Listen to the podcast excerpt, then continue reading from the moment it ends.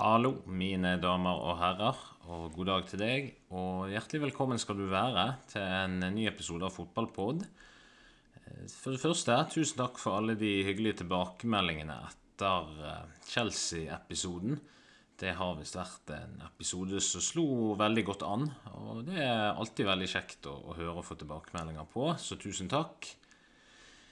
I denne episoden så skal vi gå inn på et navn som er veldig mye overskriftene i fotball-England om dagen, og egentlig fotball-Europa. Og det er Harry Kane. Og det er mye snakk om både resignere med Tottenham og rykter til Manchester United og litt til Bayern òg, faktisk.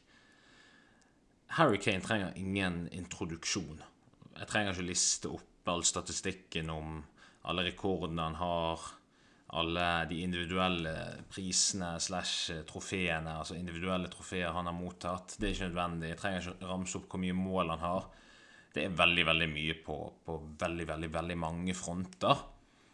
Han har de siste seks, syv, åtte årene vært en spiss i total verdensklasse. Og virkelig vært uh, foregangsfiguren for Tottenham. Og, og, og satt en standard for spisser som det egentlig er kun Haaland jeg nå kommer på som kan være i stand til å, å slå. da. Og kontrakten hans den går ut med Spurs neste sommer. Den 30. juni 2024, nærmere bestemt. Det vil jo si at dersom han ikke resignerer med Tottenham, er sommeren som kommer nå, 2023, siste vindu Tottenham kan få noe seriøse penger for han. Og Kane har nesten skal vi si, kronisk siden gjennombruddet i Spurs hvert eneste år og med jevne mellomrom vært ryktet til noen av verdens største klubber. Navn som Real Madrid, Bayern München, City, PSG og Man United har alle i løpet av de siste fem årene vært linket til Kane, og særlig en del før han signerte en seksårskontrakt i 2018. Og han gjorde jo det. Han signerte med Tottenham i 2018 for seks år. Og da så ting egentlig veldig lyst ut for Tottenham. De hadde spillere som Alder Vareil og Vertongen bak, sammen med Joris og keeper. De hadde navn som Eriksen på midten, og så var det han sjøl fremme, da. Og under Pochettino hadde Tottenham lenge et lag som stabilt kvalifiserte seg til Champions League, men òg faktisk tidvis utfordret om Premier League-tittelen. F.eks. året Leicester vant, så ledet Tottenham ganske lenge Premier League og kom på andreplass. Og kanskje var denne Pochettino-æraen eh, Altså, den nådde nok kanskje toppen eh, da Tottenham spilte Champions League-finale i Madrid i 2019 mot Liverpool. Dessverre så fikk aldri Pochettino sitt Spurs-lag noe trofé. Det hadde de nok fortjent. Det var såpass uh, veldig mange gode spillere der. Men klubben den, ser, den så veldig annerledes ut da, når Kane signerte denne seksårskontrakten, kontra hvordan Tottenham ser ut nå. I 2018 så var Tottenham et veldig stabilt topp fire-lag, Champions League hvert år, og tidvis tittelutfordrende. Og det var et lag med fantastiske spillere i sin aller, aller beste alder òg. Det var veldig mange gode spillere som var typ fra 24 til 28, kanskje litt under òg, noen litt eldre. Det var en veldig sånn god miks av senior Premier League-resilente, gode spillere. I tillegg skulle Tottenham da etter hvert flytte inn i ny stadion, som de nå har gjort. Ting så egentlig veldig lyst ut da Kane sist signerte. Tottenham var heller ikke en klubb som kjøpte seg til suksess. De kjøpte smart, og så utviklet de veldig mye. Etter hvert så ble nye, nye stadion for Tottenham dyrere og dyrere. Og det gikk ganske mange vinduer uten å handle en eneste spiller. Jeg vet ikke om dere husker de, de sesongene og de overgangsvinduene før Tottenham flyttet fra Wembley til nye stadion, der det rett og slett var overgangsvinduer der de ikke kjøpte så mye som en eh, halvdød flue. I tillegg til det så ble innflyttingen i denne nye, fantastisk fine, men dyre stadion utsatt på nytt og på nytt og igjen og igjen. I tillegg til at spillerne som var der, eh, de ble eldre, dro videre og gikk ut av sine beste år. Eh, det virket som det tidvis at spillerne nådde et visst platå og hadde en slags metthet. Ikke en metthet i form av suksess, men en metthet i forhold til hvor mye de presterte under Pochettino. og de alltid var de, de, ville så mye, og de var så nær, men de fikk det aldri helt til. Og da tenker jeg jo igjen veldig på den Champions League-finalen som de tapte mot uh, Liverpool. Det endte jo med, etter at de hadde flyttet inn i ny lekestue, at Pochettino etter hvert fikk sparken. Mm, de hadde en veldig dårlig sesongstart. Jeg lurer på om Tottenham lå på om det var en plass rundt tiendeplass, tiende til tolvte kanskje, når Pochettino fikk, uh, fikk sparken. Og etter hvert så kom eh, evige José Mourinho inn. Og Det så helt ok ut en stund, eh, men Mourinho evnet heller ikke å gjenskape suksessen han har hatt i Premier League. Eh, Mourinho har egentlig ikke evnet å gjenskape suksessen han har hatt eh, i Premier League med noen andre enn Chelsea. Litt det samme som var tilfellet i United. Det ble et tilfelle i Tottenham. Uten at han, men han klarte ikke i Tottenham å levere noen trofeer. Det klarte han i det minste i United. Og eh, gikk litt ad unders, det Mourinho-samarbeidet, og Ryan Mason avsluttet 2021-sesongen. Og etter en tåkevandring med Nuno Espirito Santo endte det med Conte inn seint i 2021. Og Der Tottenham hadde hatt Pochettino i fem år, så har de plutselig hatt tre managere og én vikarmanager på tre år. Tottenham lysnet utover 2021-22-sesongen eh, med Conte, altså i fjor. Og de klamret seg til fjerdeplassen, og sånn endte med delt toppskårer med Sala. Jeg husker utover våren 2022. Da likte jeg tidvis veldig godt å se Tottenham spille fotball. Men i år så føler jeg det handlet om svake førsteomganger og mye bedre andreomganger. Hvis du faktisk ser på tabellen for kun andreomganger, så lurer jeg på dette har jeg hørt i en annen podkast, men jeg lurer på om Tottenham leder eller ligger på andreplass i Premier League når du ser på kun andreomgangstabellen. Det vil jo si at eh, lag som leder 3-0 ved pause, og så vinner de 3-0, de får da ett poeng i, i den andre omgangen, for andre omgang blir uavgjort. Lurer på om Tottenham faktisk leder Premier League når du kun ser på andreomgangene. Eh, men det er litt vanskelig å se den store sportslige framgangen du forventer med et navn som Conte. De har nemlig ikke løst dette, dette førsteomgangsproblemet. Eh, samtidig så reflekterer poengfangsten et lag som overhodet ikke er i noen sportslig krise. Tottenham har 36 poeng. Eh, de er tre poeng bak fjerdeplassen, riktignok med én kamp mer spilt. I tillegg så er Danjuma på veien. Det er snodig avtale. De klarte virkelig å, å Skal vi si ja, De stjal, stjal, rett og slett noe som var på vei til Liverpool og Everton. Og så har de fått han på veien, og det vil være en veldig god signering. Danjuma er en ung, veldig god kant som herjet med Manchester United i fjor, bl.a. i Champions League for for, for Villarreal. At Tottenham over tid kan bli enda bedre med Conte, det er jo overhodet ikke usannsynlig. Det er faktisk egentlig òg sannsynlig. Eh, men det er mye uvisst der rundt kontrakten med Conte. Hvor lenge blir han? Han har ikke historikk for å ha lang track record. Imidlertid er det noe som peker i retning av at han kan være en stund i Tottenham. Så det, altså, du hører, det er mye så usikkert, da. Og i øyeblikket så er ikke Tottenham skal man si, en reell utfordrer til de virkelig store titlene som Champions League og Premier League. Og det er det som er problemet. I øyeblikket. I øyeblikket så er Harry Kane 29 år. Skal han ha mulighet til å kjempe om klubbtitler, er det gjerne nå til sommeren han bør flytte på seg. Fordi det kan være en av de siste mulighetene til en stor kontrakt med en klubb som kan kjempe om store titler. Lag som har blitt nevnt før, og som han har vært veldig nære, det er Manchester City, Real Madrid og Man United. Eh, det er jo ikke lenge siden Kane var uhyre nære Manchester City i 2021. Men han fikk rett og slett ikke dra. Og siden den gang så har City kjøpt Haaland, og derfor er nok en overgang til City ganske så utelukket. Real Madrid de har evigunge Benzema, som har ganske så førsterett på spissplassen. Og det kommer han nok til å ha i flere år, tross alderen. La Liga sin intensitet gjør at man kan Benzema kan spille så spiss der til han er 47, hvis han vil. Han har òg nettopp vunnet en Ballon d'Or. Liverpool har satset alt på Darwin Nunes. Det er egentlig Og dette med at andre store klubber sånn at PSG jeg tror ikke Kane er så voldsomt interessert i. Det har ført til at det er to lag som han kobles til eh, sommeren 2023. og De to klubbene heter Manchester United, som han er hyppigst, nevnt til, Men òg Bayern München skal være veldig interessert. Bayern har jo ennå ikke erstattet Lewandowski med, med, noe annet enn Sadio Mané, men Mané er egentlig en ving. Eh, Bayern skal òg være interessert i å hente 17 år gamle Yusuf Mokoko i Dortmund, eh, men de er òg veldig åpne for ideen om å signere Kane.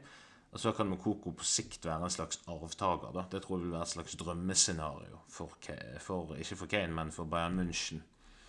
Men skal vi sette oss litt i Harry Kane sine sko, da? På, på et fagspråk til sosionomer så er det noe som heter å, å mentalisere. Det vil jo si å, å se seg sjøl utenfra og andre personer innenfra. For Kane det frister nok å bli en slags legende i Tottenham, noe han definitivt vil være uansett. Eh, særlig om han er der fram til han legger opp. Og det med å bli der og være denne her en sånn one club man, det vil jo være en slags motvekt til hva de fleste andre toppspillere gjør i dag. Eh, hvis han flytter på seg, vil det derfor sannsynligvis jeg, være til et sted han virkelig ser for seg at han kan vinne titler og utfordre om Champions League. Og Bayern München fremstår jo nok som det åpenbare der, i hvert fall det tryggeste. Han vil jo da nærmest være garantert en Bundesliga-tittel. Men en Bundesliga-tittel veier jo ikke like tungt som en Premier League-tittel. Det gjør det bare ikke. Eh, samtidig, da, om han velger United, så kan jo han kanskje, eh, og, da, og det er et stort kanskje, men da kan han ha denne sjansen til å kjempe om et Premier League-trofé. Og det er nok det trofeet Kane virkelig vil ha. Og i hans drømmeverden så vil, vil, han nok ha det med Tottenham, men i øyeblikket så ser ikke det superrealistisk ut. Og det trigger jo spørsmålet er Manchester United i en sportslig posisjon til å kunne realistisk eh, tenke på å få Harry Kane? Og eh, det får meg til å tenke litt på noe som Thierry Henry uttalte etter at Arsenal slo Manchester United 3-2 i helgen. Han uttalte følgende Boy, do Manchester United look completely different under Eric Ten Hag. I will be honest, I'm a big fan of Ten Hag and I like him very much. He is the coach I recommended to Laporta after Coman got sacked at Barcelona. He is a genius. Against Arsenal, we saw a team with three years of development, also Arsenal, against a team with six months of development, also United. Also, a team with one week of rest against a team with two days of rest, yet still United went toe to toe, which for me was surprising. Det er altså mye som tyder på at Erik Den Haag har noe veldig spennende på gang i Manchester United, skal man tro Thierry Henry. Og jeg velger å tro at Thierry Henry er en mann som kan det han snakker om. Om Kane skulle dra til United, så har de plutselig en midtbane med Casemiro og Eriksen. Eh, foran der igjen i en treer. Rashford Bruno og Anthony slash Sancho. Og så han sjøl på topp. Og det er mange engelske navn i Manchester United, som Rashford, Sancho, Luke Shaw, flere òg, som er gode venner av Kane fra landslaget. Og det vil ikke han få i Bayern München. På papiret så ser United med Kane i stallen virkelig ut som en tittelutfordrer. I hvert fall hvis du ser førsteelveren. Men dette er et stort men, så jeg har vært inne på tidligere. Du må gjerne ha 22 gode spillere for å utfordre om Premier League-tittelen. Dybden er virkelig en nøkkel, og vi skal vise til det samme som jeg alltid har vist til når jeg snakker om dette. Kampprogrammet, ligaens intensitet og masse flere årsaker. England har to cuper istedenfor én, og det blir ikke akkurat færre færre kamper. Og i, i, år, denne sesongen som har vært nå, særlig med utgangspunkt i et vinter-VM, så har det vært et historisk tett kampprogram. Og da trenger man 22 gode spillere. Samtidig så har jo Arsenal vist at uh, no, det meste er mulig. De har jo ikke hatt den sterkeste dybden, men samtidig så har det kommet spillere inn der og på en måte tatt tak som man gjerne ikke alltid har trodd skal ta tak. Og det er litt kult å se. Uh, men denne dybden, det mangler nok United. Det så man bort mot Arsenal i helgen, og det man kan sette innpå, er typ Fred. Den eneste som egentlig kunne kommet inn med en sånn skikkelig offensiv endring på, som var på benken, det var jo Garnaccio. Han er 18 år. I tillegg så må nok United kvalifisere seg for Champions League om de skal ha sjans på å få Harry Kane. Kane har vært super i flere år, og han, han burde jo i løpet av karrieren plukke opp noen trofeer. Han burde det. Bayern ville jo vært et trygt valg her. Eh, Og ikke bare dette med at han nærmest er sikret en Bundesliga, men han òg i forhold til relasjonen hans til Spurs-fansen. Jeg tror at Spurs-fansen, hvis de må velge mellom United og Bayern München, så tar de Bayern München. Det gjør de nok uansett. Eh, I Premier League så virker det som at utenom å resignere for Tottenham, er Manchester United mest sannsynlig akkurat i dag. United har vel alltid vært interessert i Kane, og eh, det har jo seg slik da, at de andre store kanonene i ligaen da, ikke har muligheten til Harry Kane akkurat nå.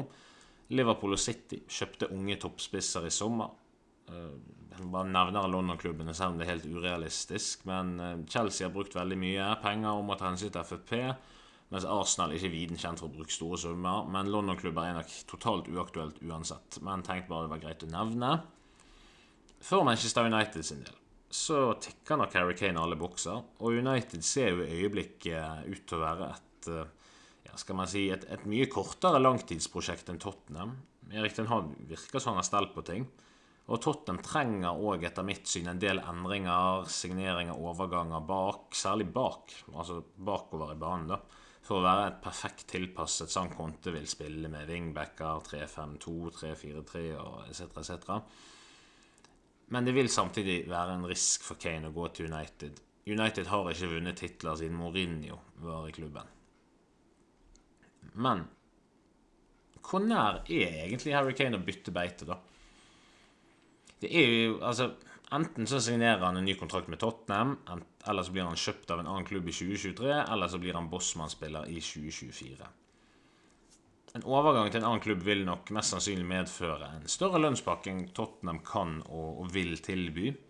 Og selv om pengene sikkert ikke er det viktigste for han, så er det han jo på den tiden i karrieren hvor det historisk sett er noe alle spillere tenker på. Plutselig er United villig til å gi Kane en femårskontrakt, mens Tottenham bare er villig til å gi en treårskontrakt grunnet alder. Og da, da må nok gå noen runder med seg sjøl. Men jeg ser ikke for meg at Spurs vil slippe Kane enkelt. Eh, men da Kane resignerte i 2018, eh, var, eh, var Spurs i en slags styrkeposisjon, da. Og det er endret nå. Han har, han har ikke den samme tiden lenger til et langtidsprosjekt, jf. alderen. Så Tottenham må nok òg appellere en del til hans klubbfølelse, tilhørighet. Det har ikke vært noen materialiserte kontraktsforhandlinger mellom Kane og Tottenham siden august 2021, som var måneden Tottenham avslo veldig mange fremstøt fra City, og Kane hadde veldig lyst til å dra. Men Kane har likevel etter det fortsatt med den samme innsatsen og ledet laget sitt på veldig imponerende vis, vært totalt profesjonell. Ifølge David Ornstein sin eh, mandagsartikkel i The Athletic så er Kane åpen for å gå inn i kontraktsforhandlinger med Tottenham, og Kane trives veldig godt med å bo og bli i London. Men det er et par faktorer som spiller inn på hvorvidt han signerer en ny kontrakt. Hvordan Tottenham sin sesong ender. Blir det Champions League? Hvordan går det i FA-cupen? Kvalifiserer de seg til neste års Champions League? I tillegg vil eh, ting som andre, signeringer til Tottenham og sannsynligheten for trofeer spille inn. Med andre ord, han signerer nok ikke før han ser hvilken vei denne sesongen går for Spurs sin del, og eh, kanskje òg han venter til hvem som eventuelt kommer inn i sommer. Med andre ord, det blir ganske dyrt for Tottenham å beholde Kane, for det vil kreve at de beholder mye annet òg. Og kjøper jo andre investeringer. I Kane sin drømmeverden, igjen tilbake til mentaliseringen, så kunne han nok ønske å vinne trofeer med Tottenham. Og han drømmer nok om å løfte et trofé som kaptein for, eh, for, Tottenham, så han står veldig, veldig nær. Han er jo ifølge David Ornstein mer eh, fokusert på å vinne noe denne sesongen og gjøre det bra, enn hva han skal fokusere på dette med kontrakt, mulig overgang og de tingene. Det sies òg at Kane sine representanter snakker med flere parter inkludert Tottenham, for å lodde vannet.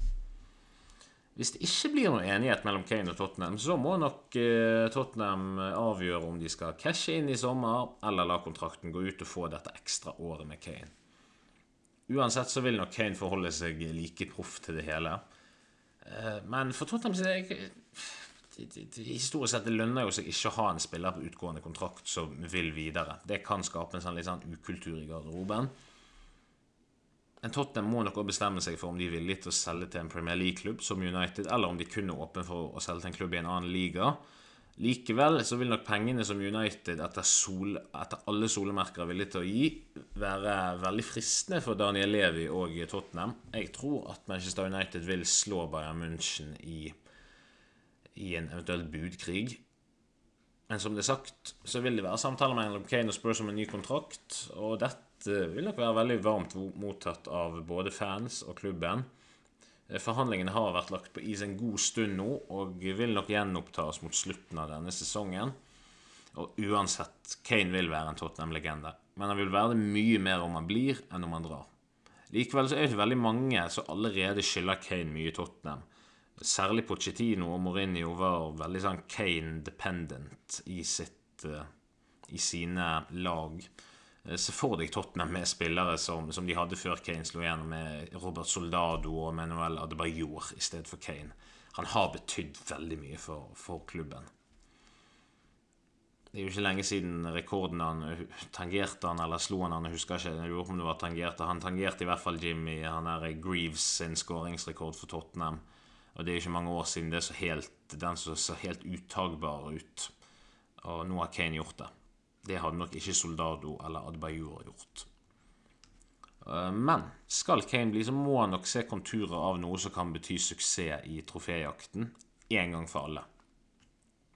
Manchester United og Bayern München har for så vidt allerede i jakten på Kane møtt litt motgang, ifølge Manchester Evening News, da med bakgrunn i nyheten som kom mandag om at um, Kane har konkrete planer om å snakke med Spurs med intensjon om å være åpen for å signere en ny avtale.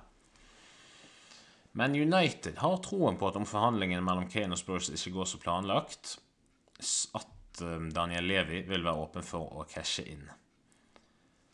Ifølge eh, samme avis, Manchester Evening News, er årsaken til at han nå for første gang siden 2021 snakker med, med Tottenham om en ny kontrakt, er at han virkelig ønsker å vinne noe med Tottenham. Samtidig kan det fort koste mer enn det smaker for Spurs sin del å beholde han. Kane vil nok som nevnt etterlyse nye signeringer, høy lønn, Conte blir, og han går eh, inn i en eldre alder. Kanskje vil Tottenham, hvis det blir mye styr dette, tenke Vet du hva, vi fikk de beste årene av Kane. Veldig synd vi ikke vant et trofé med han, men kanskje vi skal cashe inn.